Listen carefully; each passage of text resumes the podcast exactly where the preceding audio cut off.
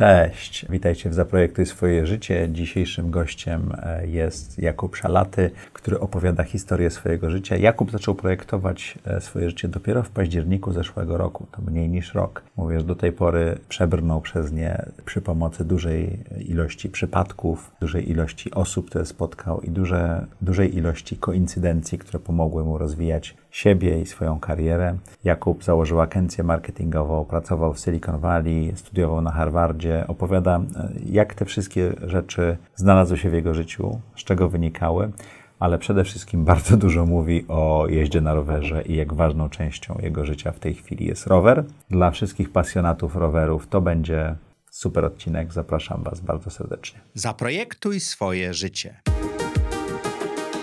Zapraszam Was do mojej autorskiej audycji Zaprojektuj swoje życie. Przedstawiam osoby, które podjęły nietuzinkowe wyzwania życiowe i biznesowe. Rozmawiamy o tym, co nas napędza i dokąd zmierzamy. Historie opowiadane przez moich gości zainspirują Was do świadomego i odważnego projektowania swojego życia.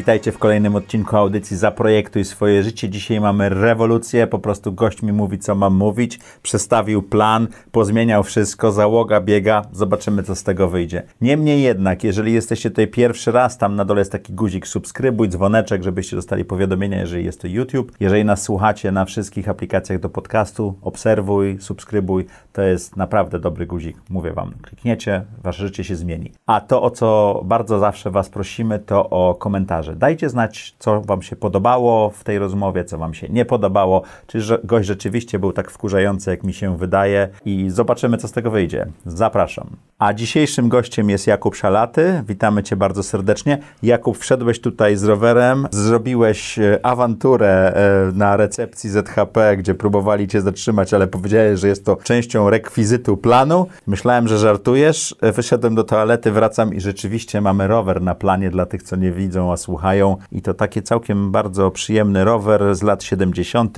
Jaguar Special, Romet czy tam ZZR. Skąd ten rower? Czemu musiał znaleźć się na planie dzisiaj? Bo rower to jest świat. Jak śpiewa Lech Janerka. To jest w ogóle ciekawe, bo w Warszawie mam takie doświadczenie, że przychodzisz do budynku dowolnego, niekoniecznie tak pięknego i, i, i historycznie ważnego jak ten budynek. E, szczególnie w tych szklanych jest dwa, dwa typy powitań są. Co pan tu z rowerem? Z rowerem nie można. Albo kurier? albo dzień dobry, z rowerem nie można. Więc to... A poza Warszawą? A poza Warszawą we Wrocławiu bardzo. Wszyscy kochają rowery na przykład. To jest w ogóle miasto, w I którego pochodzę, do, więc można wszyscy, tam się, wszyscy, wszyscy, się tam kochają. Nie, myślę, że myślę, że po prostu cały czas jesteśmy w, na takim etapie, gdzie ten rower nie jest częścią tego, co normalnie ludzie robią codziennie. Tak? To nie jest taka... taka... Hmm. Zależy od osób. No ale w Warszawie gościa, powszechnie, który zrobił powszechnie biznes, się... sklep rowerowy, tak, w Warszawie, jako No tak, ale wcześniej, ale wcześniej wszystkie jego biznesy są w tych szklanych budynkach i tak dalej. Tak. To, to, nie, ja uważam, że to po prostu jest pewien sposób na, przynajmniej mój, tak? Wiem, że to jest trochę awanturniczy sposób, ale, ale on pozwala oswoić... Tak, tak, jeżeli gość wchodzi na plan i mówi, tu będzie stał rower, jest to awanturniczy sposób ten, to po prostu pozwala oswoić ludzi z tym, co, co wydaje mi się, że jest bardzo ważne, żeby, żeby było coraz częstsze w naszym codziennym życiu, czyli właśnie rower, czyli ruch, a nie samochód. Może w taki sposób to dlaczego 50-40-paroletni rower znalazł się na tym planie? No bo tak pomyślałem, że jak przyjadę takim zwykłym rowerem, który na, którym na co dzień y, jeżdżę, no to, to, to historie też są z nim związane na pewno. Ale bym nie wpuścił na plan. Ale byś nie wpuścił, tak? A tutaj e, no, nie jest to twój równolatek.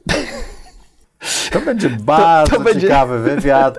Załoga z drugiej strony powstrzymuje się od śmiechu. No tak, ten, ten, rower y, to z, z, z, moim przyjacielem, z którym dużo jeżdżę na rowerze, zresztą Adam Sobczak, którego, którego Adama kojarzysz. Sobczaka mamy nadzieję gościć. Tak, tak. Udało nam się znaleźć coś niesamowitego, czyli dwa takie same praktycznie rowery, hmm. dwa Jaguary Special, a to wynika z tego, że od jakiegoś czasu realizujemy różne takie projekty rowerowe. Przejechaliśmy Wisłę 2200 razem. Na tych rowerach? Jeszcze nie, na rowerach dobrych, e, okay. aczkolwiek gość... Bo to rama, rama stalowa, tak? Trochę tak, waży. to jest rama stalowa. My jechaliśmy akurat na karbonowych, ale potem się okazało, chyba miesiąc czy dwa miesiące temu, gość przejechał całą Wisłę 1200. Wisła 1200 to jest taki ultramaraton, dla tych, którzy mhm. nie wiedzą. Jedzie się rowerem e, z okolic Wisły do Gdańska wzdłuż e, Wisły, czy to, jest normalnie tam 600, 600 km drogą, ale 1200 wzdłuż, wzdłuż Wisły wołami. No i gość przejechał to na Wigry 3. Osta ostatnio. Mhm. Mój też kiedyś, także że każdym rowerem na pewno da się, da się przejechać taką trasę. No dobrze, y, Jakubie. Ale dlaczego ten rower? Dlatego, A, że, dobrze, tak. dlatego, że jest taki wyścig coroczny, bardzo klasyczny, jeden z najbardziej znanych wyścigów w Europie dla amatorów i to się nazywa Leroika.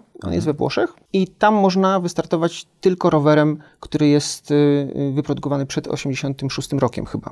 No, musi spełniać jakieś tam specjalne kryteria. No i my sobie tak wymarzyliśmy, że pojedziemy na polskich rowerach, uszyjemy sobie polskie koszulki, takie jak miał Szozda i Szurkowski Polskie czapeczki. polskie czapeczki takie, to spowoduje, że nie tylko Bianchi, nie tylko te wszystkie najważniejsze marki rowerowe, ale też polska marka rowerowa, Zjednoczone Zakłady Rowerowe i Romet będzie reprezentowana. Stąd ten rower tutaj. No dobrze, Jakubie, to już wiemy e, skąd plan. Dla tych, co słuchają, może warto na chwilę wejść na YouTube'a i, i zobaczyć, ale może na zdjęciach Kuba nam to ujmie. Jakubie, jak wyglądało do tej pory projektowanie Twojego życia? Ostatnio zacząłem. Szczerze to zastanawiałem się nad tym pytaniem, bo każdy Bo odpowiada. wiedziałeś, że padnie. Bo tak, jest, jest, wiedziałem, że jest duża szansa, że padnie to pytanie i, i, i rzeczywiście się okazało, że mniej więcej od października zeszłego roku coraz bardziej świadomie zaczynam sobie to wszystko układać. Do tej pory, e, czyli od momentu, kiedy y, różne rzeczy się takie ważniejsze zaczynały wydarzać, e, czyli mniej więcej z czasów, pewnie w liceum się zaczynają takie mniej lub bardziej świadome e, decyzje pojawiać, niezależne, autonomiczne w stosunku A do, przynajmniej do decyzje, rodziców. których konsekwencje potem mamy przez Tak. całe życie. Tak, to muszę powiedzieć, że te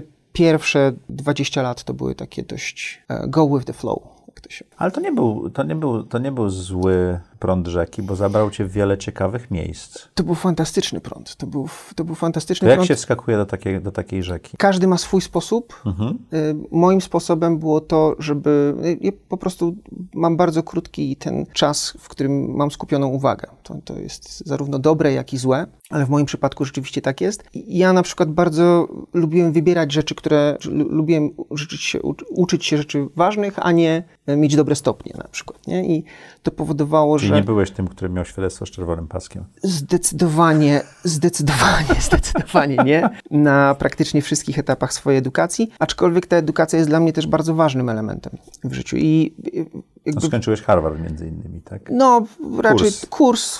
Executive Education, ale rzeczywiście No. wiąże się to z tym, że. że To, to nie są proste kursy, nie są tanie kursy. ale można na nie zarobić na przykład samemu. I to, Mhm. jest, I to jest ta ścieżka, którą można sobie definiować w życiu już samodzielnie. Ale wracając do pytania, no to na przykład myślę, że bardzo mocno definiuje to dom, w którym wyrastasz i, i rodzice. Ja, ja wyrastałem akurat w, w takim miejscu, e, które we Wrocławiu nazywa się Trójkąt Bermudzki. E, To Mhm. jest na ulicy Dworcowej i tam się wszystko mm, dla mnie zaczynało. No ale moi rodzice w tym miejscu, w którym się y, wychowywaliśmy, byli takimi osobami, które bardzo były żądne przygód i świata i cały czas podróżowali. Nie? Więc na przykład w latach 80. mój tato miał klub wysokogórski i z tym klubem e, wyjeżdżali w Himalaje, w Indię, do Chin. I ten do ten, ten wirus Tak, no i tobą pozostał, tak?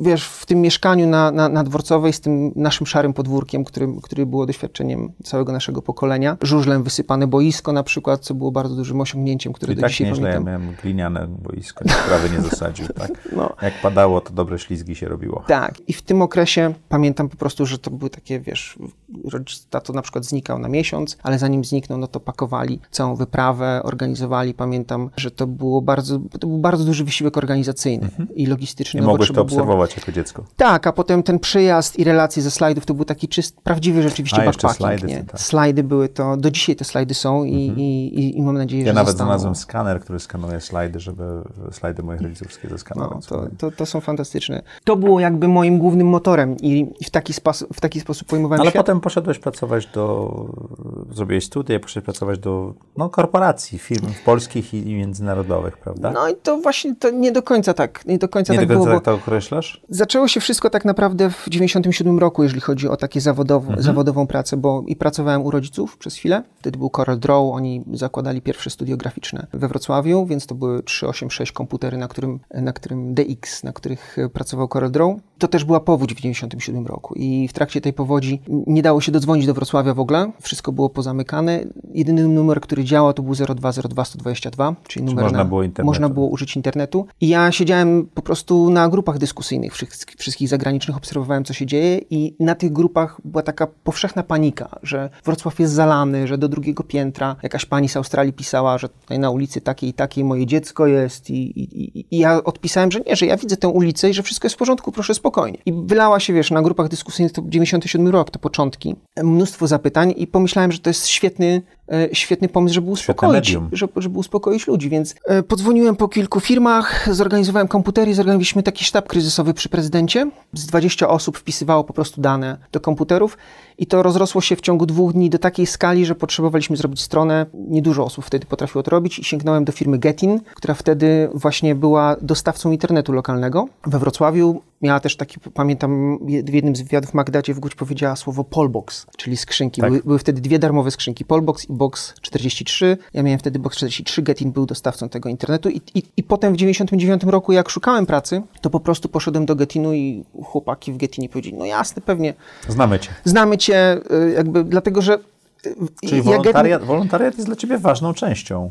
To Tak, jest Jak coś, co oglądałem robię- twoją, tak. twój profil i tak dalej, to to się przewija ciągle. Cały czas, tak. Ja cały czas lubię robić te rzeczy, które dają dużo ruchu, w, którym, w których możesz rzeczywiście zrealizować coś dla innych Mhm. i z innymi. To jest dla mnie, myślę, kwintesencja projektowania tego życia i działania. Także tak, tak to się wszystko zaczęło. I zaczęło się rzeczywiście zawodowe życie od Getinu. Wylądowałeś w Orężu, a z Oręża przeskoczyłeś do Doliny Krzemowej i ten przeskok mnie bardzo zaintrygował, no Tak. bo to, jest, to byłeś dwudziestokilkulatkiem, Y, No tak. który po pracy w kilku firmach w Polsce i w dużej korporacji nagle wylądował na drugiej półkuli. Myślę, że to jest wbrew prostsze? pozorom, myślę, że wbrew pozorom to dużo prościej jest niż, niż się wydaje, dlatego że myślę, że to jest dość klasyczny model, w którym realizujesz jakiś projekt i w tym projekcie poznajesz kolejnych ludzi i ci ludzie uważają, że zrobiłeś ten projekt dobrze albo źle. Akurat w tym wypadku e, właściciele firmy, którzy, e, z którym e, Orange robił projekt, to był profesor Chofit, uznawany w ogóle za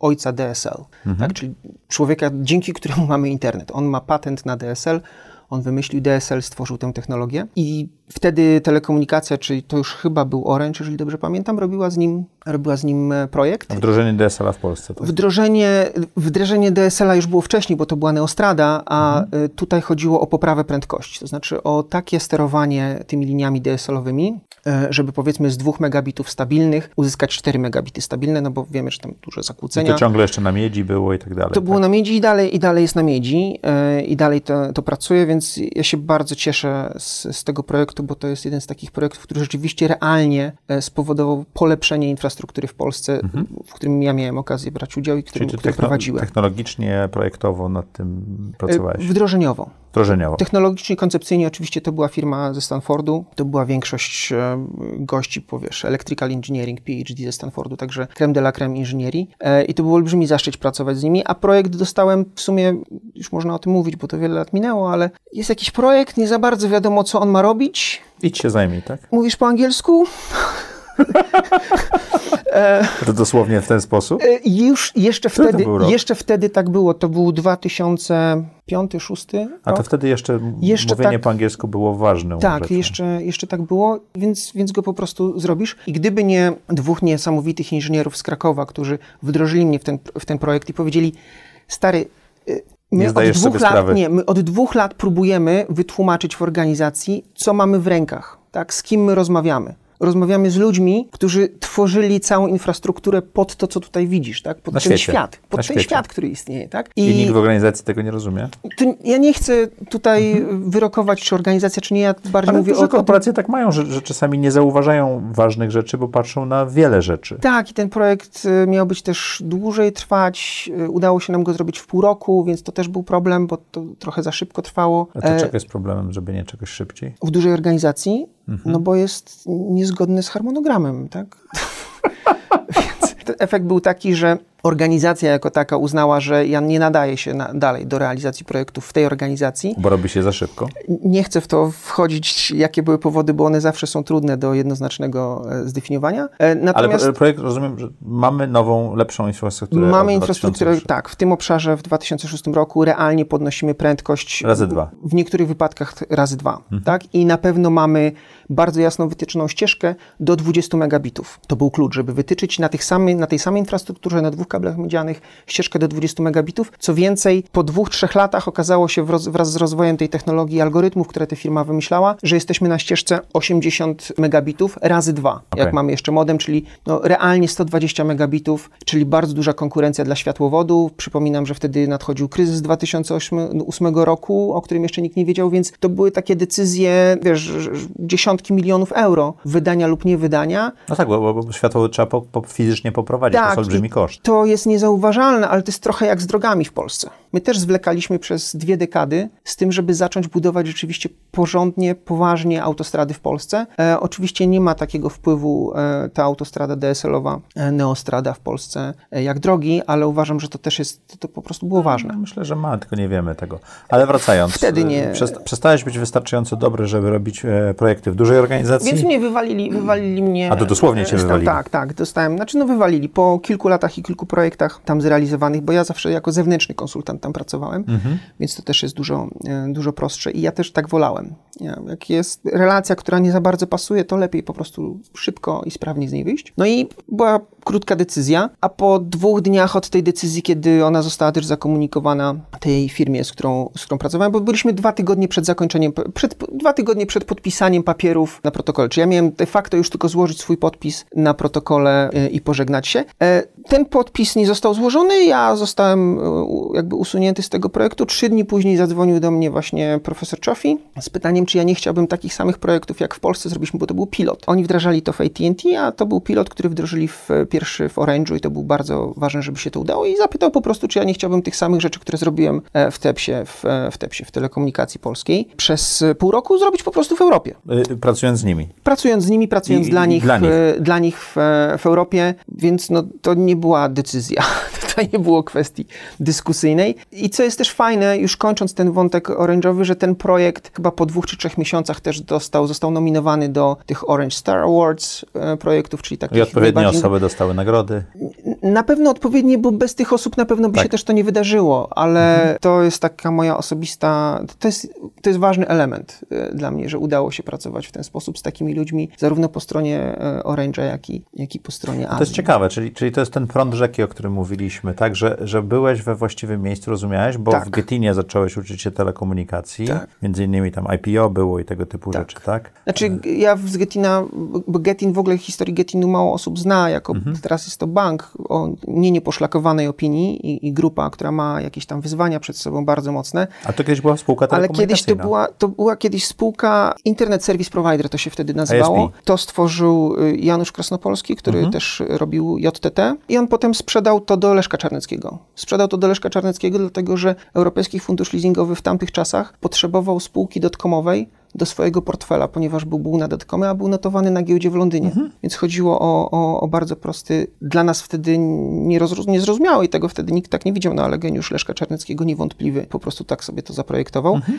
I my zaczęliśmy robić tak naprawdę dotcoma, czyli nie spółkę e, Telekomunikacyjną. tylko dotcoma. To było Getin Service Provider Centrum dla małych i średnich przedsiębiorstw. Mhm. Czyli 2001 rok my zaczęliśmy kopiować akcje, e, aukcje eBaya, robić e-wizytówki, e-sklepy. To wszystko Próbować staraliśmy... wszystkiego, co się dało, Tak, tak? i to wszystko rzeczywiście było odpalone. Oczywiście tutaj to, co jest kluczowe, to timing był absolutnie nieodpowiedni. E, No i my zachodziliśmy w głowę, jak to jest możliwe, że ktoś 10 milionów złotych wydał na, na, na tego typu pracę. Najważniejszym elementem tej pracy było po prostu wprowadzenie Getinu na giełdę, co udało się w, chyba w mniej niż rok, 365 dni, to jest do dzisiaj chyba niepobity rekord na głównym parkiecie. No i potem już wszyscy znają historię, czyli zakup, ale my wtedy już przynajmniej nie, nie tyle my, co duża część moich kolegów, z którymi byliśmy w Getinie od początku, jak to było 5-10 osób, po prostu już poszliśmy zdecydowanie w IT, czyli nas bank nie dotknął. Ale ty generalnie opierasz się o technologię telekomunikację w swojej karierze. Tak, to jest, moja, to jest mój główny... MCX Systems i tak dalej, tego Tak, to są, rzeczy. to są, to jest główny, to wynika z tego po To prostu, że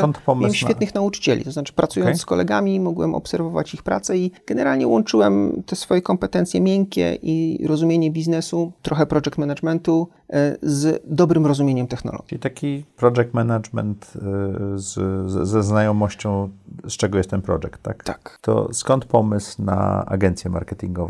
Po takiej karierze technologicznej? Wiesz co, myślę, że z obserwacji tego, co, się, co się wtedy działo, to zresztą nie, nie był mój pomysł. Ja, ja namawiałem Ewę, czyli ówczesną partnerkę, która e, wiele lat spędziła w Azji, e, w, w, Kuala Lumpur, e, po, pomagając rozwijać też taką bardzo dużą spółkę internetową i wróciła do Polski i tutaj wróciła z taką wiedzą, której wyda, ja przynajmniej nie, nie, nie widziałem jej w Polsce. Tak? Nie jestem absolutnie ekspertem marketingu, ale trochę na tym rynku byłem i widziałem, co się dzieje, jak wygląda ten rynek od strony agencji. Miałem bardzo delikatny ogląd, tak bym to nazwał, a widziałem, że, że Ewa ze swoją wiedzą i ze swoimi kompetencjami, które szlifowała na poziomie, no, oni tam w Azji robili projekty głównie na Stany. Więc to była po prostu, wiesz, najlepszej jakości y, wiedza, jak sprzedawać. Była ściśle związana właśnie ze sprzedażą, wtedy tam to były kursy głównie edukacyjne. I jak Ewa przyjechała, no to tutaj też przyjechała z, z jedną ze swoich takich spin-offów z portalem Yogi, to też jej e,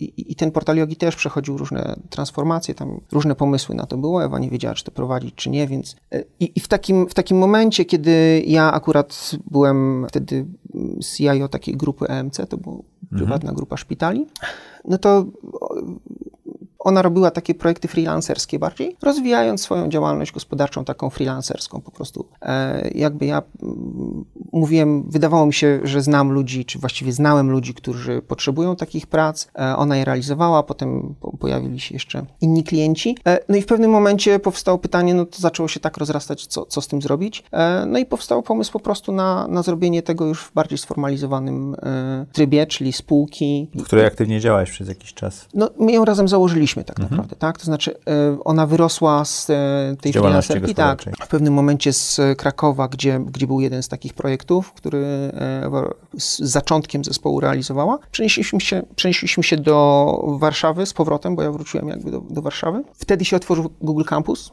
w którym udało nam się dostać miejsce. No i tam zaczęliśmy realizować projekty. Zaczęło się w ogóle od takiego, takiej serii szkoleń otwartych dla wszystkich Traffic and Conversion. I one zebrały chyba ponad tysiąc osób. Były dość dużym sukcesem, bo wtedy kampus zaczynał dopiero ruszać i na bazie tego sukcesu po prostu zaczęli zgłaszać się klienci, którzy chcieli mm, Ten trafik i, ten, i ten ten conversion. traffic, ten conversion, które no, było już konceptem obecnym w świecie marketingu na świecie bardzo mocno. W Polsce dopiero to zaczynało. E, lejki konwersji to dopiero zaczynało. Dobrze, powiedziałeś na początku rozmowy, że od października e, zaczynasz poważnie projektować swoje życie, a do tej pory to były takie przyczynowo-skutkowe zdarzenia. Tak jak słucham Ciebie, to duża część Twojego życia to tak decyzje, które podejmowałeś e, na początku, skutkowały lata czy dekady później pewnymi e, możliwościami, które się Tobą otwierały, tak? To praktycznie wszystko wygląda tak, jak i tak, taki patchwork, tak sobie. Patchwork. patchwork, tak sobie o tym myślę, bo zaczynając od samego Getinu, y, do którego właśnie przyjmował mnie założyciel Getinu Jan, Janusz, no to dwa lata po, po uruchomieniu Tribe'a, kiedy, kiedy osiągnęliśmy już kilka milionów przychodu, to była spółka, która niesamowicie szybko rosła. Ja szukałem wielu CFO, no, wiele razy powtarzasz tu- tutaj w, w tych wywiadach, że, e, że cash flow e, No, finanse to podstawa. Pewnie każdy przedsiębiorca ma swój pomysł na to, jak, jak jest, ale zgadzam się, że to jest bardzo ważne na, na, na wielu etapach i po dwóch latach rzeczywiście to zapoczęło być kluczowe. Szukałem CFO, cztery osoby sukcesywnie, e, sukcesywnie jedna po drugiej próbowałem z nimi współpracować, nie udało się. E, No i zwróciłem się do kogoś, kogo, kogo uważałem za autorytet w zakresie budowania tego typu, tego typu modeli. No i Janusz po prostu pomógł nam i co więcej, do dzisiaj przez te wszystkie lata wciąż jest e, osobą, która opiekuje się finansami, jest CFO w tej firmie, więc ktoś, kto kiedyś mnie przyjmował do pracy, teraz po 20 prawie latach miałem okazję z nim po prostu współpracować. Nie? Jakie to jest To jest- uczucie? Dla mnie to jest kwintesencja wszystkiego, co robię w sumie. Że ta relacja i te relacje, A które... to musiałeś go zdjąć z piedestału, żeby móc z nim współpracować? Czy ta relacja Nie. zawsze była taka... e, że Nie, ta relacja zawsze była taka, Okej. taka oczywiście kiedyś to był mój szef i, i rzeczywiście e, piedestał, natomiast na, stojący na piedestale, natomiast e, z, z czasem my cały czas utrzymywaliśmy relacje. Mhm.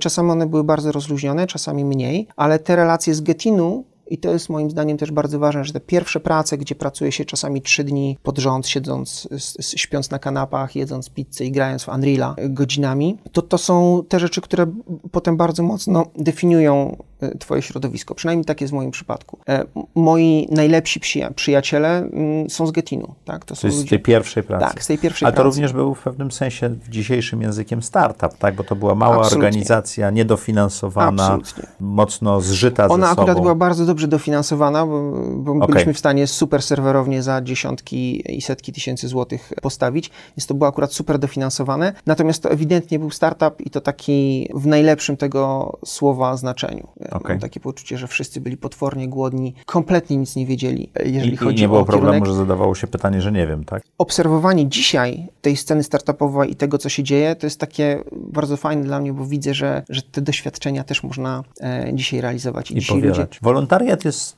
częścią ciebie. Z tego, co widziałem, robisz dużo różnych rzeczy. Między innymi wprowadzałeś e, Entrepreneur Organization do Polski, Tak. ale o tym za chwilę, bo to myślę, że będzie ciekawy temat, jak to działa, po co to Mhm. działa, ale Fundacja Humanities, droga na Harvard i tego typu rzeczy. Po co to robisz? Mówiłeś też o powodzi. Po co to robisz? ludzie mają różne potrzeby wynikające z jakichś tam cech charakterów, z tego, w jaki sposób funkcjonują, skąd czerpią, czerpią energię. Ja czerpię energię z, z relacji z ludźmi i z robienia czegoś z ludźmi. I to. I to jest y, też taka rzecz, która przychodzi gdzieś tam pewnie w połowie lat y, 30., przynajmniej u mnie tak było, z moich 30., y, żeby zdać sobie z tego sprawę. I, i, i znowu, y, moje całe liceum to była nie za bardzo nauka, bardziej skupienie na tym, żeby w liceum był radiowęzeł, więc ja byłem przewodniczącym szkoły od drugiej klasy. i- Czy miałeś dostęp się- do mikrofonu? Miałem dostęp do mikrofonu, do, tak, dokładnie.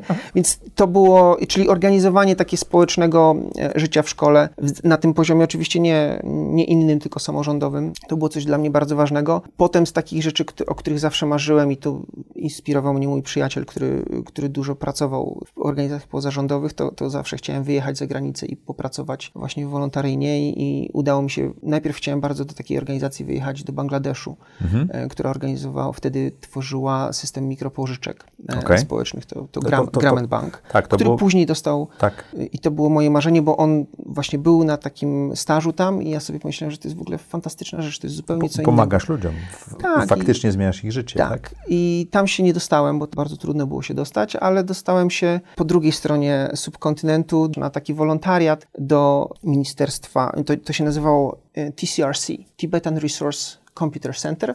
Czyli to był dział komputerowy w rządzie tybetańskim na uchodźstwie Mhm. w Dharamsalam. No i tam też, e, więc A tam pojechałeś, czy robiłeś to zdalnie? ja, ja pojechałem w ogóle po pracy, bo w 2003 roku y, też był taki kryzys dotkomowy w Polsce. Znaczy on był wywołany dotkomami, ale, ale kryzys był ekonomiczny i było bardzo ciężko z pracą, było dużo restrukturyzacji. Ja wtedy miałem pierwszą pracę w MCX-ie i po restrukturyzacji przestałem mieć tą pracę, więc y, wziąłem kredyt w środku kryzysu, pamiętam, na 10 tysięcy złotych. Żeby pojechać? Tak, czyli zostałem zwolniony. Zanim, zanim te papiery, że tak powiem, nabrały mocy, to szybko poszedłem do banku, bo, bo wszystkich objęły zwolnienia grupowe i dostali kasę, a nam przez chwilę tam były zatory w płatnościach i w sumie ja liczyłem na tę kasę i jej nie dostałem. Wiedziałem, że jej nie dostanę, więc, ale wiedziałem też, że mam plan na te Indie na trzy miesiące, no więc musiałem po prostu iść do banku, wziąć kredyt, żeby pojechać i zrealizować swój plan. Plan wynikał z tego, że, że o tych Indiach słyszałem w domu cały czas, tak? Mój tato bardzo dużo razy tam był i wiedziałem, że, że a ponieważ no, to nie jest tak, że zawsze były jakieś tam pieniądze w domu, więc trzeba było je organizować, no więc pierwszą Czyli rzeczą pracowałeś jest, dla tak, rządu Tybetu na uchodźstwie. tak, przez chwilę. Więc krótko mówiąc, pojechałem na te trzy miesiące do Indii po to, żeby objechać sobie Indię, pojechać trochę śladami taty, który zawsze mnie w, w tym zakresie mocno inspirował, e, no ale też zrobić coś pożytecznego, nie tylko dla siebie, ale też dla innych. I szukałem takiego wolontariatu. No i znalazłem taki wolontariat właśnie w, trochę wyżej niż normalnie, w sensie nad poziomem morza, bo góry też.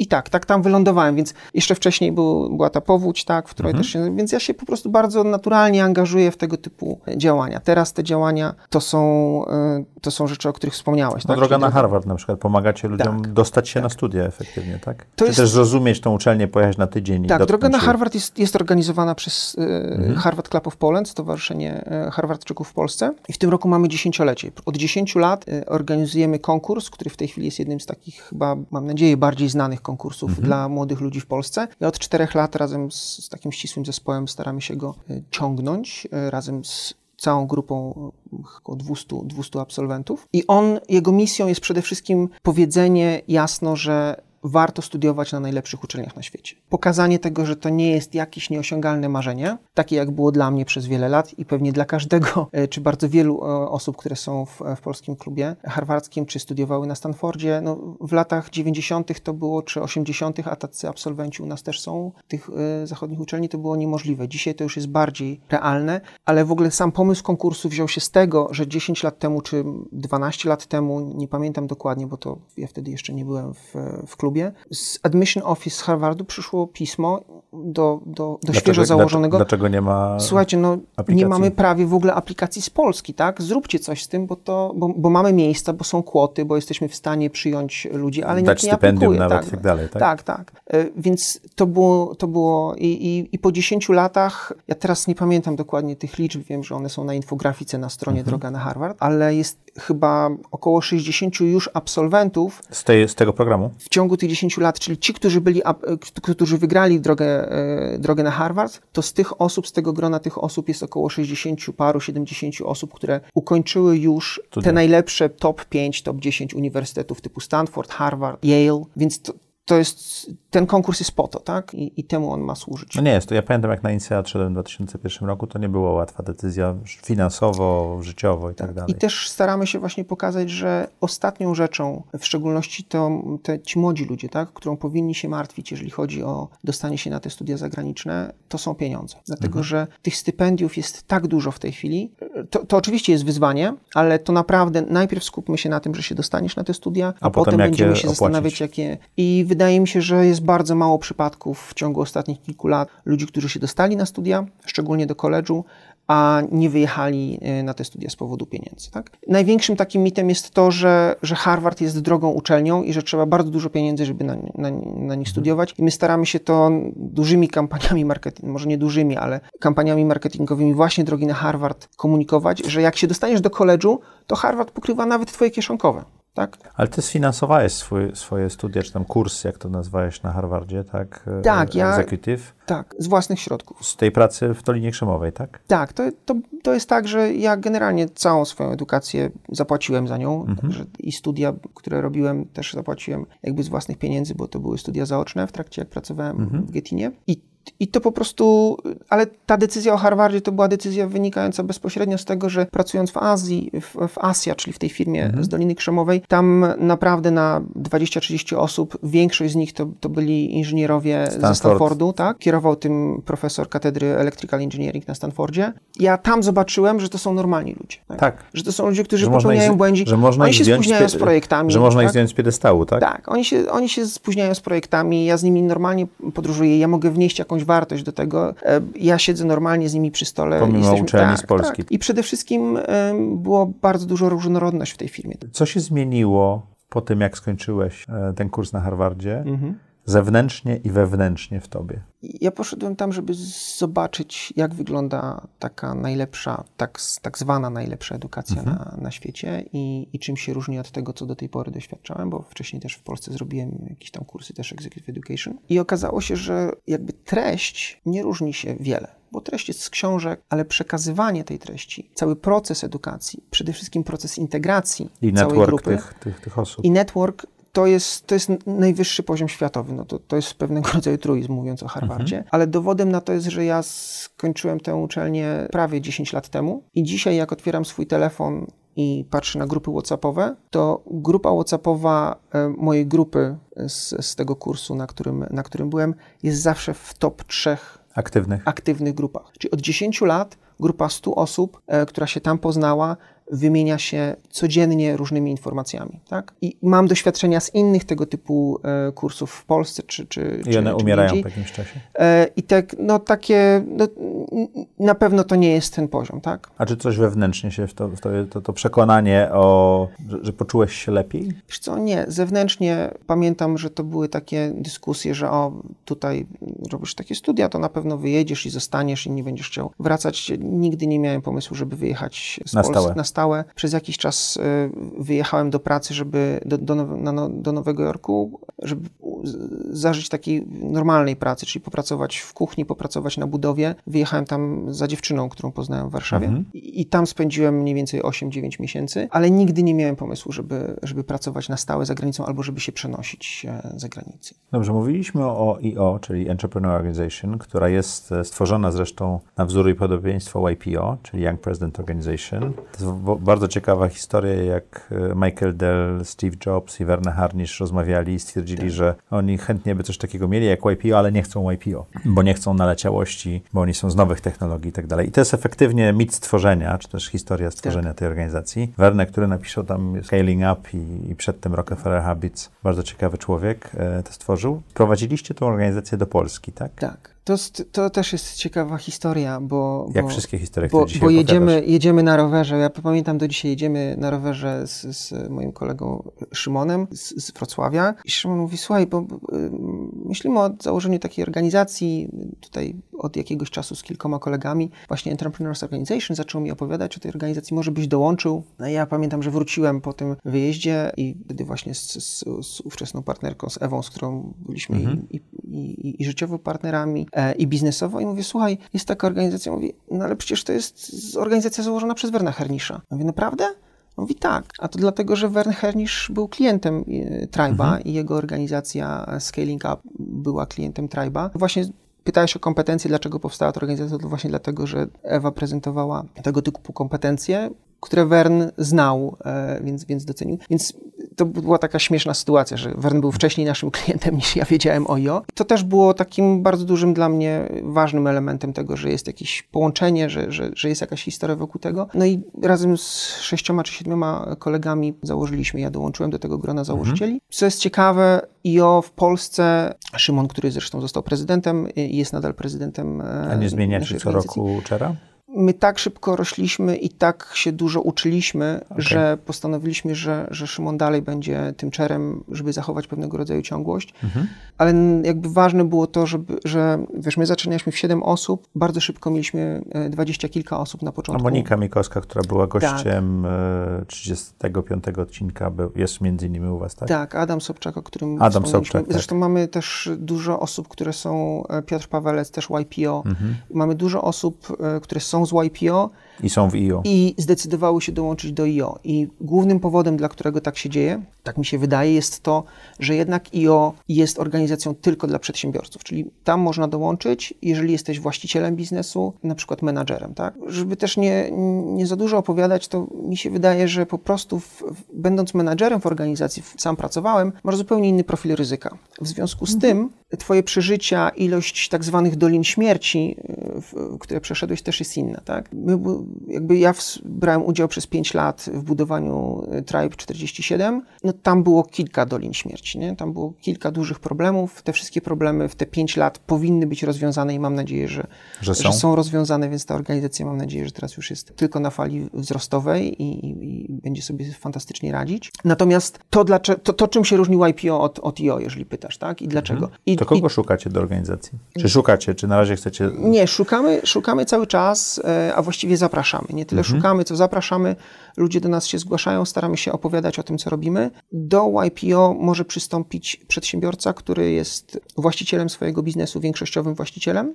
Do IO, przepraszam, a powiedziałem do, Do YPO. do YPO. Do YPO, do YP też tak zresztą jest. też, ale do YPO może dostą, e, też, też menadżerowie wyższego szczebla. Natomiast do, do IO biznes ten musi generować milion dolarów przychodu, tak? Ten I- próg jest większy w YPO, bo to jest 15 Próg jest milionów. 15 milionów, Tak. tak. Więc w IO to jest, to się przekłada mniej więcej na 4 miliony złotych Mhm. oczywiście u nas. I to jest bardzo ciekawe, dlatego że oczywiście to są dane GUS-u, o których ja lubię mówić, ale one nie zawsze odzwierciedlają rzeczywistość, o Rzeczywistość. której się rozmawia. Ale jeżeli popatrzysz na te dane, to w Polsce 98% wszystkich firm nigdy nie przekracza 5 milionów. Nie, że, Złotych. tak, nie, że w pierwszych dwóch latach nigdy nie przekracza 5 milionów złotych przychodu. Tak? Tak. To oczywiście w to są wliczane pewnie też Mhm. działalności gospodarcze i tak dalej, więc ta, ta, ale to jest 98% biznesów w Polsce. I to też pokazuje, na jakim etapie my jesteśmy, tak? Mhm. E, W związku z tym w Polsce te biznesy to są znaczące i fajne biznesy. To jest I Love Marketing, to jest Monterail e, Software House, to jest e, biznes Moniki, czyli Moby Dick, o I Love Marketing chyba wspomniałem. Tak. Piotra Pawelca, Abriga i staramy się też zachować takie, taką różnorodność tych biznesów. Adama Sobczaka Cenatorium, czy bardzo duża, chyba największa firma w, w naszej organizacji, czyli Yes, e, biżuteria, czy Summa Lingue, niesamowicie obiecująca e, firma A Krzysztofa zaczęliście już robić forum i tego typu rzeczy? czy Tak, zaczęliśmy robić forum od samego początku. W tej chwili mamy trzy fora. Fora Forum to jest, dla tych, co nie wiedzą, taka rozbudowana wers- wersja masterminda, tak jak ja to nazywam. to jest mastermind. z bardzo, z bardzo sproceduryzowanym sposobem przeprowadzenia spotkania. I to mnie, powiem Ci szczerze, najbardziej urzekło. W, To na początku w, było w- dla mnie największym szokiem, że musisz się trzymać tej procedury, Mhm. musi być nieocenianie, nie, nie, niedoradzanie i tak dalej, ale po latach, ja 10 lat jestem już w forum, Mhm. po latach już wiem, że ta procedura, jakby to nazwać, czy Mhm. też sposób przeprowadzenia każdego spotkania w ten sam sposób jest najważniejszą rzeczą doprowadzającą do sukcesu tego. Tak. Moje doświadczenia, ja mam dość, dość dużo czasu spędziłem na różnego rodzaju tematach rozwojowych, Mhm. e, psychoterapiach, g- grupach takich terapeutycznych, gdzie zbierają się osoby i dyskutują różnego rodzaju zawiłości e, życia, próbując je projektować. Więc mam spore doświadczenie w tym, też dziesięcioletnie. Wstępując do, do IO i przechodząc przez szkolenia, które są obowiązkowe, żeby ten proces w ogóle miał sens, byłem absolutnie zachwycony odarciem z tego obszaru e, i elementu terapeutycznego procesu, który pozwala ci odpowiedzieć na ważne dla ciebie pytania. Tak. I Bo nie jest to terapia, to jest rozmowa osób na podobnym, e, w podobnym etapie życia. to zależy od forum. Bo, To prawda. bo są fora, które e, w pewnym momencie na jakiś czas przekształcają się w mastermindy do rozwiązywania ważnych problemów. Mhm. My, nie, ja jestem w tej chwili w dwóch forach i powiem szczerze, że byłem przekonany i myślę, że tak jak większość osób przystępujących do, e, do IO, absolutnie będziemy rozmawiać o biznesie, rozwiązywać tematy biznesowe i tak dalej. To jest 20%, to jest Fantastyczne. 20% rozmów, I prawda? to mniej więcej odzwierciedla y, roz, rozkład problemów naszych w życiu, tak? Tak. 80% problemów to są problemy naprawdę ważne, czyli dotyczące nas i naszych bliskich, Osobiste. osobiste. Ale w forum myślę, że jest równowaga e, i to forum zawsze decyduje, tak, o czym chcę rozmawiać. Jest równowaga między tymi problemami, czy wyzwaniami osobistymi, a wyzwaniami biznesowymi. Najważniejsze jest to, że jest to e, że jest jasny proces i ten proces pozwala na osiągnięcie w ciągu 4 godzin rozwiązania dwóch problemów, z którymi przychodzą ludzie e, i angażują w to e, ty, tych swoich peers, tak? czyli tych ludzi, Ale którymi... krok po kroku, krok po kroku, rozwiązywanie. z przerwami. Jak to robisz, że jesteś w dwóch forach? Ja próbowałem kiedyś tego. To jest, y, żeby słuchacze i widzowie zdali sobie sprawę, forum jest spotkaniem, które trwa 4 godziny, tak naprawdę Minimum, 5 z tak, rozgrzewką i, i zakończeniem, które jest nieprzekładalne, na którym trzeba być. Tak. Można mieć jedno lub dwie nieobecności w roku, inaczej się z niego wypada. To zależy, jak forum się ukonstytuuje. Więc masz naprawdę jeden dzień w... A, a po nim, ja po forum wychodzę tak wypompowany, że jeżeli jest za dnia, to wieczorem nic nie zrobię, jeżeli jest wieczorem, to idę spać praktycznie. I to jest jeden dzień, który jest nieprzekładalny w miesiącu. To- jak to robisz, że możesz zrobić dwa? to nie tylko ten dzień, bo jeszcze przedtem musisz Musisz się przygotować, przygotować, tak, tak, tak. Musisz przemyśleć, dlatego że siadasz z czterema, przepraszam, z sześcioma do ośmiu osób i tutaj to nie jest spotkanie biznesowe. Nie, nie, to no, są, przychodzisz to są bliskie ci osoby. Kil, kilkoma kartkami przemyśleń. I uwagę, uwagę rzeczywiście tam trzeba skupić. To wynika przede wszystkim w tej chwili z tego, że my rozwijamy tę organizację, więc y, ja wiedziałem, że to będzie duże obciążenie, ponieważ pracę taką intensywną przedsiębiorcy w Trajbie zakończyłem we wrześniu zeszłego roku, więc tego czasu też trochę więcej miałem. Nie mieliśmy Czyli to jest wystarczającej twój ilości wolontariat. nie mieliśmy wystarczającej ilości e, członków, żeby stworzyć wystarczającą ilość forów. A pragmatycznie była potrzeba stworzenia też forum w języku angielskim, więc my mamy w tej chwili trzy fora, w tym jedno w angielskim.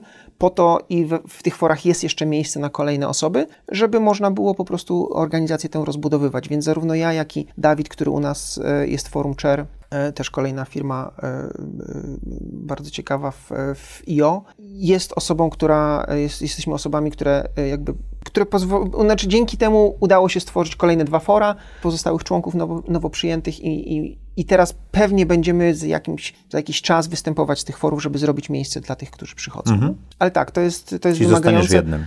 Zostanę w jednym albo przeniosę się do kolejnego nowego forum, żeby nadać też e, takiej, no żeby pro, trochę doświadczenia z forum, bo, bo jednak bycie w forum buduje niesamowite kompetencje takie w organizacji takich spotkań, w prowadzeniu, w rozumieniu tego, po co forum jest i warto, żeby, warto, żeby w nowym forum była osoba, która już e, kiedyś, e, kiedyś była. Czyli zachęcasz. Myślę, że do tego nie trzeba zachęcać, bo z kimkolwiek z przedsiębiorców chyba rozmawiasz, albo ja rozmawiam, no to zawsze jest potrzeba szukania No, ale jeżeli słuchają nas tak? przedsiębiorcy, którzy mają firmę większą niż milion euro rocznie, To zapraszamy. co mają zrobić?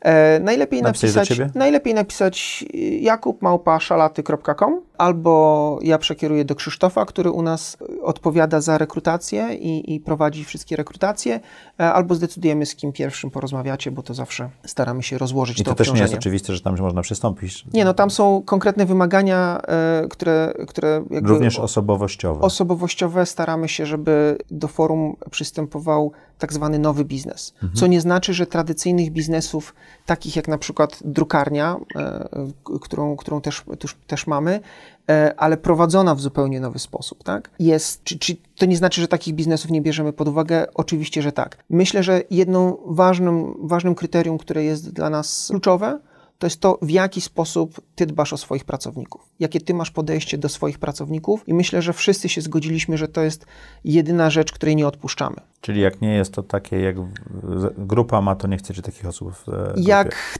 to jest taki biznes, który jakby nie do końca przejmuje się tym, w jakim stanie są twoi pracownicy i, i nie dba, są jeszcze ciągle takie biznesy. Ich jest coraz mniej, ale są takie biznesy. Myślę, że będzie duże wyzwanie, żeby, żeby pogodzić to, w jaki sposób my rozumiemy prowadzenie biznesu, a, a, a tego typu, a tego typu No osoby, dobrze. które tak Powiedziałeś, że od października zeszłego roku zacząłeś projektować swoje życie, co my uwielbiamy w audycji.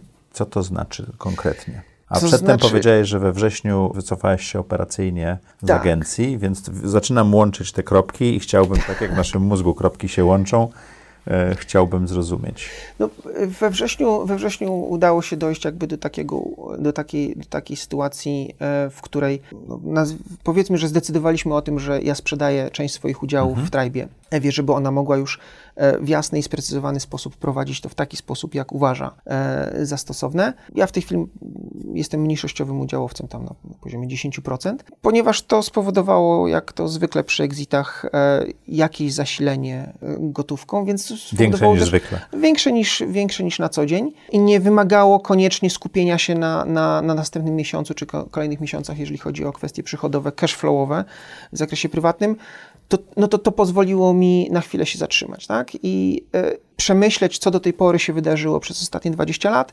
dlaczego te rzeczy się wydarzyły w taki, w taki a nie inny sposób i co bym naprawdę chciał robić. Nie tyle osiągnąć, co, co robić. Dlatego, że Czyli ciebie bardziej interesuje droga niż szczyt. tak, są dwie, dwie rzeczy. Zdecydowanie bardziej droga niż cel i zdecydowanie z kim niż gdzie. Okej. Tak? To są To takie dwie jaką rzeczy, drogę które są... obierasz teraz? Czy już wiesz? Tak, ja już w tej chwili myślę, że od kilku miesięcy mam to dość dobrze poukładane i to są takie trzy obszary, które sobie, które sobie ułożyłem. Jest to obszar zawodowy, taki, który generuje rzeczywiście przychody, ale jest zgodny z tym, co chcę robić i w tym obszarze znowu ciekawa sytuacja, bo moja pierwsza firma MCX w 2003 roku w Warszawie i teraz znowu przez obecnego prezesa zostałem zaproszony do współpracy w, w MCX e, jako doradca zarządu i tam nowa strategia MCX-u to jest Smart City. Smart City, czyli projekty, które mają Smart City bez Smart People, nie, jak wiadomo, nie ma sensu, więc to są projekty nakierowane na to, żeby ludziom w miastach żyło się lepiej. Po prostu kminimy w MCX-ie, jak zrobić tak, żeby w Warszawie i w innych miastach ludziom żyło się lepiej poprzez startupy, w które inwestujemy, Technologie. albo technologie, albo rozwiązania, tak? E, Jest kilka takich projektów. Jednym z nich, e, który w Warszawie jest dość głośno dyskutowany, jest, e, różnie można na to patrzeć, ale to są te samochody, które jeżdżą i wystawiają mandaty, tak? Ja patrzę na to z perspektywy takiej, to powoduje mniejszą chęć ludzi do wybierania samochodu przy dojeździe do miasta, czy Tym bardziej, że tak? parkingi pójdą do góry i strefa się rozszerzyła No, i tak dalej. Parkingi w tej chwili, mandat chyba w tej chwili wzrósł pięciokrotnie do 250 zł, tak? Kiedyś to się nawet opłacało z prawdopodobieństwem e, Tak, tego, tak. że można było nie płacić. Dokładnie, więc, więc y, to jest dla mnie ważne, że, że, że MCX ma taką misję, że ja mogę uczestniczyć w tej misji. To jest spójne z moją pasją, czyli aktualnie z Czyli to rowerami. jest ta jedna, jeden obszar jest- to jest zawodowy. to jest jeden obszar a jakie zawodowy, inne tak. obszary zaprojektowałeś sobie? Drugi obszar to jest też obszar, też jest taka organizacja jak Center for Leadership, e, która e, jest najbardziej znana z takiego flagowego programu e, Leadership Academy for Poland. Tak.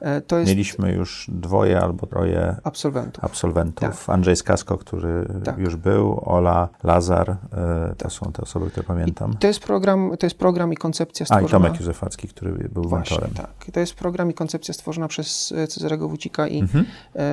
też wspólnie z Maćkiem Ujejskim e, przez ostatnie 4 lata czy 5 lat budowali tę organizację. I celem jest, co jest bardzo ciekawe w kontekście tego, o czym rozmawialiśmy, stworzenie w Polsce miejsca, uniwersytetu, w którym będzie dostępna najlepsza możliwa edukacja ze świata. Tak? Przywódcza. Tak, czyli z jednej strony rozmawialiśmy o tej, o tej kwestii właśnie edukacyjnej, która u mnie przez, przez bardzo długi czas była, e, była ważna i nadal jest ważna, więc z jednej strony w drodze na Harvard e, zajmuję się tym, żeby pokazać dzieciom i propagować, może nie tylko dzieciom, ale i młodzieży, studiowanie za granicą na najlepszych uczelniach, a z drugiej strony e, właśnie Cezary ostatnio zaprosił mnie do współtworzenia strategii i też do przygotowania tej organizacji infrastrukturalnie, jeżeli chodzi o architekturę tego, w jaki sposób dostarczać tę wiedzę online czy zdalnie, no bo nie wiadomo, jak długo potrwa aktualna sytuacja i nie wiadomo, ile razy ona się powtórzy. Znaczy w sumie to wiadomo, ale nie wiadomo z jaką częstotliwością, tak? Więc e, te wszystkie organizacje, w tym Center for Leadership też musi troszeczkę przeformatować to, w jaki sposób będzie prowadzić te programy, więc to jest druga rzecz, którą, którą robię w tym obszarze takim edukacyjnym, a te programy mają właśnie za zadanie sprowadzenie tej edukacji, tych edukatorów. Tam są edukatorzy z London Business School, z Harvardu, e, wybitni profesorowie z Polski, jeżeli chodzi o kursy finansów, żeby, ona była dostępna, żeby nie trzeba było wyjeżdżać. No i, i, i, i to jest też misja, która jest mi tak bliska i tak bardzo jestem zapalony do tego, żeby to I to jest e, ten twój realizować. wolontariat, czy to I jest to jest, edukacja? to jest, nie no, ja tam normalnie pracuję, tak, Mhm. to znaczy część swojego czasu z tego tygodnia, tygodnia poświęcam Center for Leadership, teraz już w taki bardziej sformalizowany sposób i współtworzymy, współtworzymy ten program, czy właściwie strategię tego, w jaki sposób dostarczyć zdalne, czyli mamy MCX jako, to mamy ten proces, ten, I te to jest, kwestie two- edukacyjne. To, to jest ta zakładka praca. A powiedziałeś też o innych zakładkach, które, No e, i, czy i też znaczy, no to, obszarach. to, to, to jest wolontaryjna, wolontaryjna praca, tak? Czyli, Mhm. czyli droga na Harvard Plus, bo ja, ja nie, Magda Dziewguć też o tym mówiła, work-life balance, prawda? Ja nie do końca tak do tego podchodzę. Ja bardziej skupiam się na całościowym dniu i zastanawiam się, jak ten dzień podzielić w taki sposób, żeby nie być w pracy od rana do wieczora, tylko żeby efektywnie wykorzystać swój czas, swoje relacje i swoje, e, swoją energię do tego, żeby wykonać pracę. To, czy so- czasami ona jest płatna, czy nie, to moje doświadczenie mi mówi, że to jest wtórne. Oczywiście trzeba o to dbać i też bardziej się uczę o to dbać, o tę kwestię finansową ostatnio.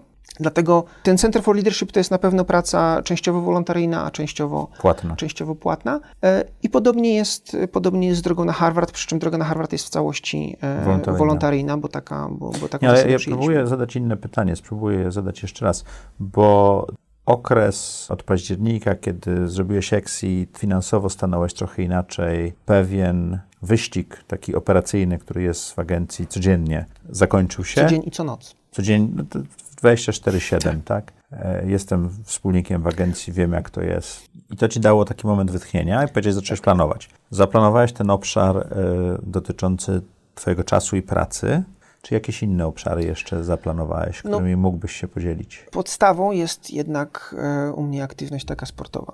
Czyli fizyczna, Tak, i- fizyczna. I, i zdrowotna, Fizyczna i zdrowotna. Kiedyś to była, to była ewidentnie głównym, głównym motywem były góry. Mhm. Dzisiaj po tych górach po prostu jeżdżę rowerem. I po górach, i, i mniej po górach, więc, Mhm. więc e, To kiedy zacząłeś jeździć na MTB? Wiesz co, tak poważnie w 2000, po, poważniej, e, ale cały czas zaznaczam, że to jest amatorskie podejście, to jest tak zwane kolarstwo romantyczne. Ale to jest downhill, czy takie prawdziwe Nie, to, MTB? to jest, zacząłem od enduro w Okej. 2000, właściwie nie od enduro, tylko od MTB w 2013 roku. 7 lat temu, pierwszy raz przejeżdżając 200 km w ciągu jednego dnia dookoła Tatr. To, to, Mhm.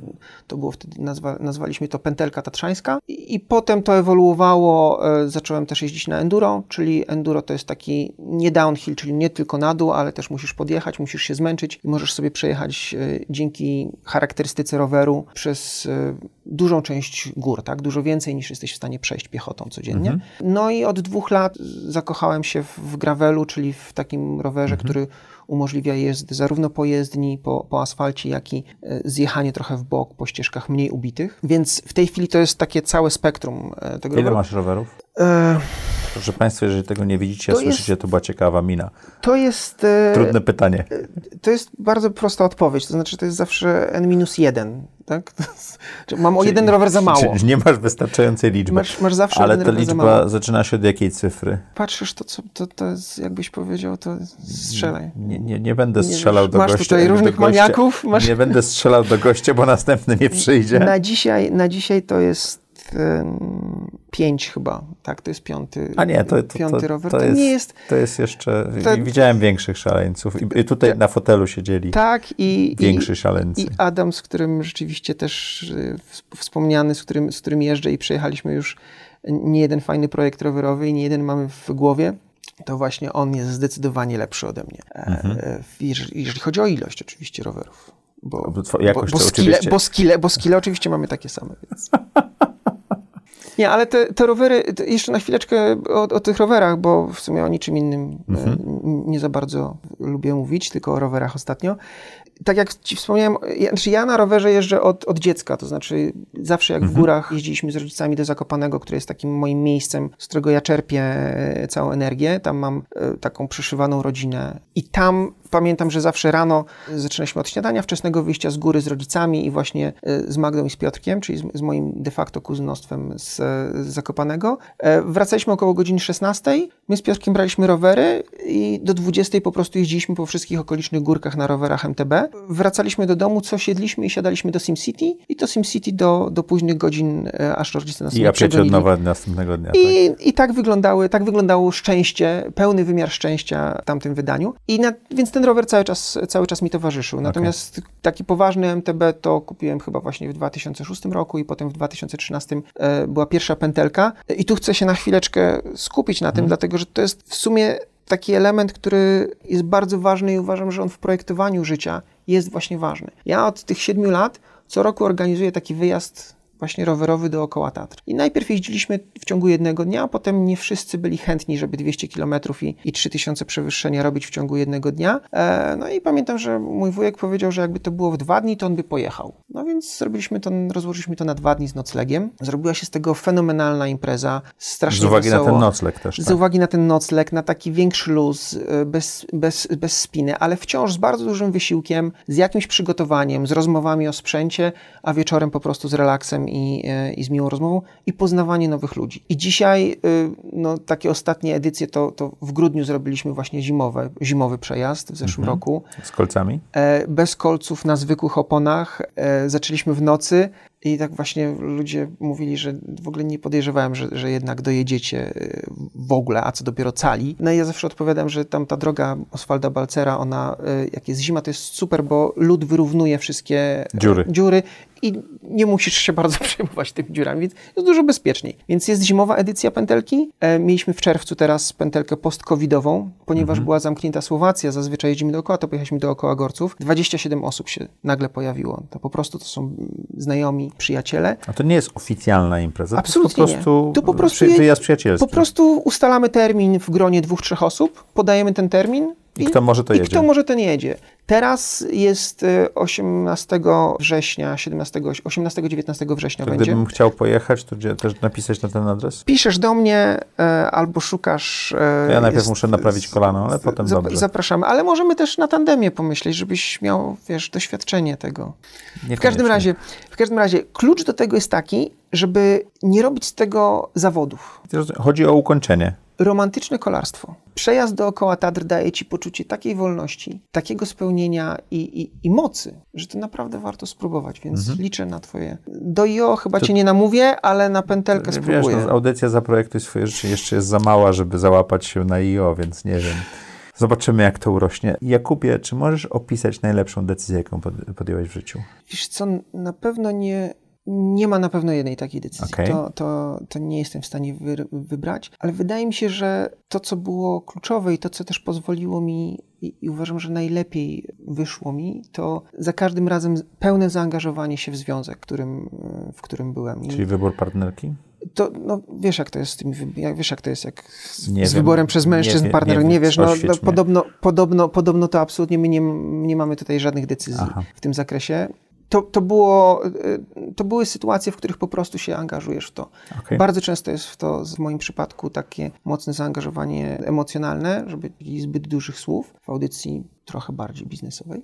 E, I to, To jest audycja o życiu. o życiu, więc e, to, za każdym razem. o to, za, to za każdym razem. To jest to słowo, którego tak, unikasz. To, to nie jest to słowo, którego. To nie jest słowo zdecydowanie, którego unikam. To Okej. na pewno w swoim życiu, ale tak, za każdym razem e, to były najle, najlepszą decyzją, czyli jakby jak pytasz, to najlepszą decyzją Zaangażowanie się w związek. było zakochanie się i pełne zaangażowanie w związek, w którym, w którym akurat Mhm. byłem. I myślę, że, że to też jest najważniejsze w życiu. Co daje ci najwięcej energii czy satysfakcji w życiu? Dzisiaj to jest e, odebranie jednego z telefonów, w którym ktoś podaje datę i jak ta data akurat nie koliduje z jakimś ważnym wydarzeniem, chyba tylko forum jest w stanie mnie zatrzymać przed jazdą na rowerze i przed kolejnym projektem. Czyli datę kolejnego wyjazdu Tak, rowerowego. dzisiaj, dzisiaj tak. Dzisiaj to jest, dzisiaj to, jest to Mhm. że, że żyjemy pętelką w takim szerszym gronie kolegów, że żyjemy w tym, że zrobiliśmy tę Wisłę 1200, czyli przejechaliśmy przez Polskę.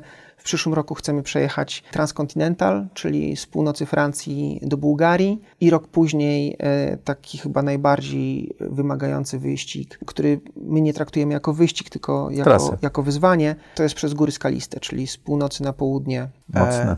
to jest, to jest mocne, do tego musimy się przygotować, ale nic nas nie zatrzyma. Czy mógłbyś przestać coś teraz robić, co podniosłoby Twoją satysfakcję albo e, pozwoliłoby Ci się lepiej rozwijać? Tak.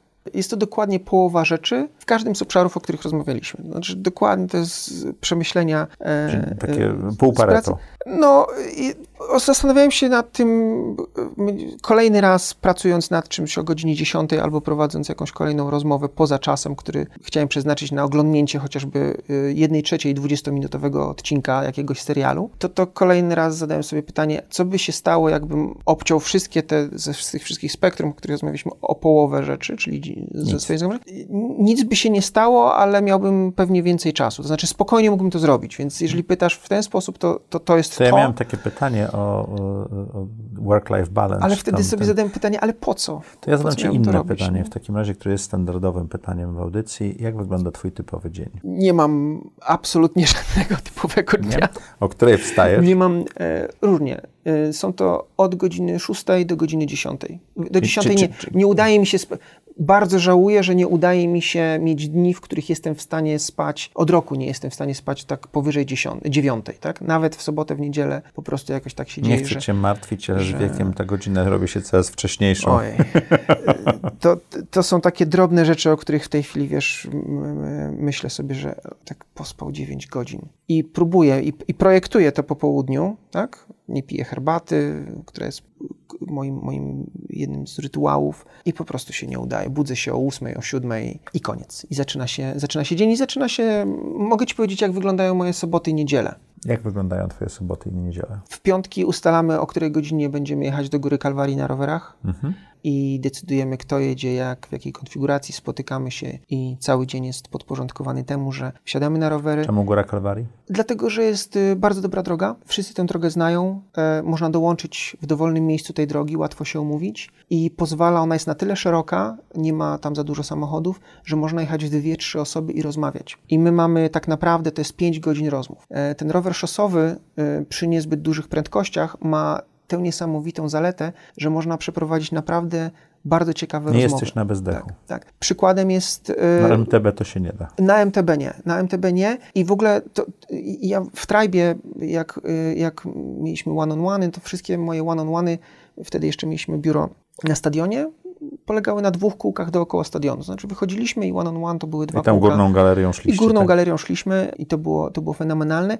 Dzisiaj, jak e, Cezary, czyli twórca Center for Leadership, e, mamy do omówienia jakieś tematy strategiczne, to umówiliśmy się, że w każdy piątek będziemy rano, przed pójściem do biura, na 2-3 godziny jechać na rowerze i tam pracować. I faktycznie w tej chwili ja pracuję bardzo dużo na rowerze. Czyli ty masz, Coś, co- coś- ro, co- rower jest częścią twojego Tak, życia. coś, co, kto by mi powiedział, gdyby ktoś mi to powiedział, że tak, no, i myślę, że dużo osób też tak to odbiera, że to jakaś fanaberia albo, albo naciągane, ale Dla powiem ci szczerze, działa. że dla mnie to działa fantastycznie. Też jestem dumny z tego, że właśnie Cezary zaczął e, ostatnio e, więcej, kupił rower taki właśnie gravelowy Mhm. i, i też zaczął się bardzo mocno wciągać w takie jeżdżenie.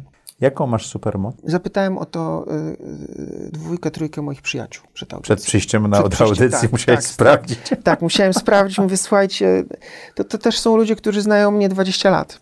Więc e, oczywiście było dużo, e, dużo, dużo zabawnych e, propozycji. e, Na którą przystałeś? Wiesz co, y, chyba na tę najprawdziwszą, to znaczy to, co ja naprawdę umiem robić, to łączyć trzy płaszczyzny, czyli tę biznesową, sportową, rekreacyjną, związaną z rowerami i tą społeczną w wymiarze edukacyjnym.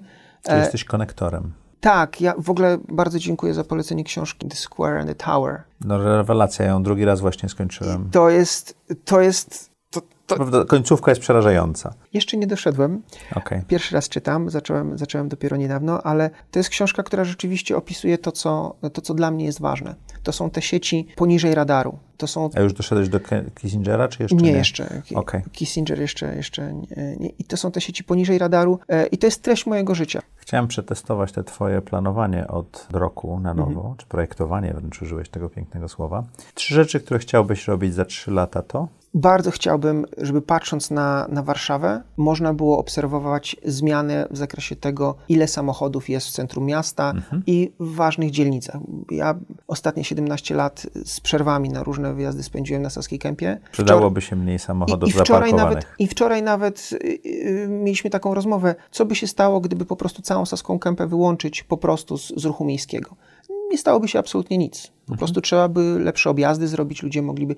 Y, I, i najczęściej, i, i, bardzo chciałbym, żebyśmy byli coraz bardziej odporni na tego typu argumentacje. Z reguły ludzi w naszym wieku, którzy mówią, a co ze starszymi ludźmi, a co z dziećmi, z dowozami i tak dalej, czyli ludźmi, którzy spokojnie mogliby się Czyli poruszać chciałbyś zmieniać bez miasto samochodu. za, za trzy lata. Tak, to Co jest na pewno jedna rzecz. robić? Bardzo chciałbym, żeby, żeby Center for Leadership był coraz bliżej swojej misji, czyli stworzenia bardzo Uczelni. mocnej instytucji, tak, e, uczelni, Polskiego Uniwersytetu, polskiej uczelni, która będzie, na której będzie można uzyskać najlepszą edukację na świecie, żeby droga na Harvard, i teraz będziemy w najbliższych latach nad tym pracować, znalazła nową formułę tego, w jaki A sposób trzecia rzecz, którą chciałbyś ty robić za trzy lata? A ja bym chciał zrealizować te wszystkie ambitne projekty rowerowe, bo bardzo wierzę, że wokół tego się znajdą ludzie, z którymi wszystkie inne cele, bo do tej pory tak było, z którymi wszystkie inne cele są po prostu łatwe do realizacji. To jest ciekawe, bo e, ludzie różnie odpowiadają na to pytanie. E, Pytanie jest specjalnie e, w czasie, w formie niedokonanej, Okej. co chciałbyś robić, a wszystkie twoje odpowiedzi były w formie dokonanej, czyli już to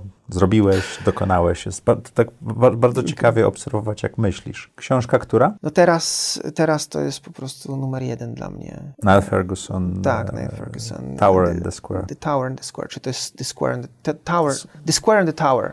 To chodzi o, Cho- chodzi o Sienę i tak, chodzi o chodzi o wieżę i o rynek. O Sienę, przez którą będziemy przejeżdżać właśnie na Leroice zaraz.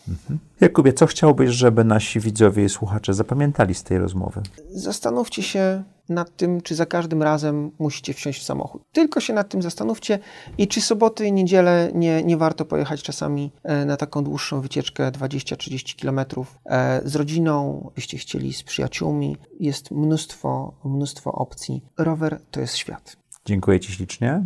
Dziękuję Wam. Rower to jest świat. Jak co tydzień w czwartek o czwartej zapraszamy do audycji Zaprojektuj swoje życie. Widzimy się i słyszymy z Wami już za tydzień.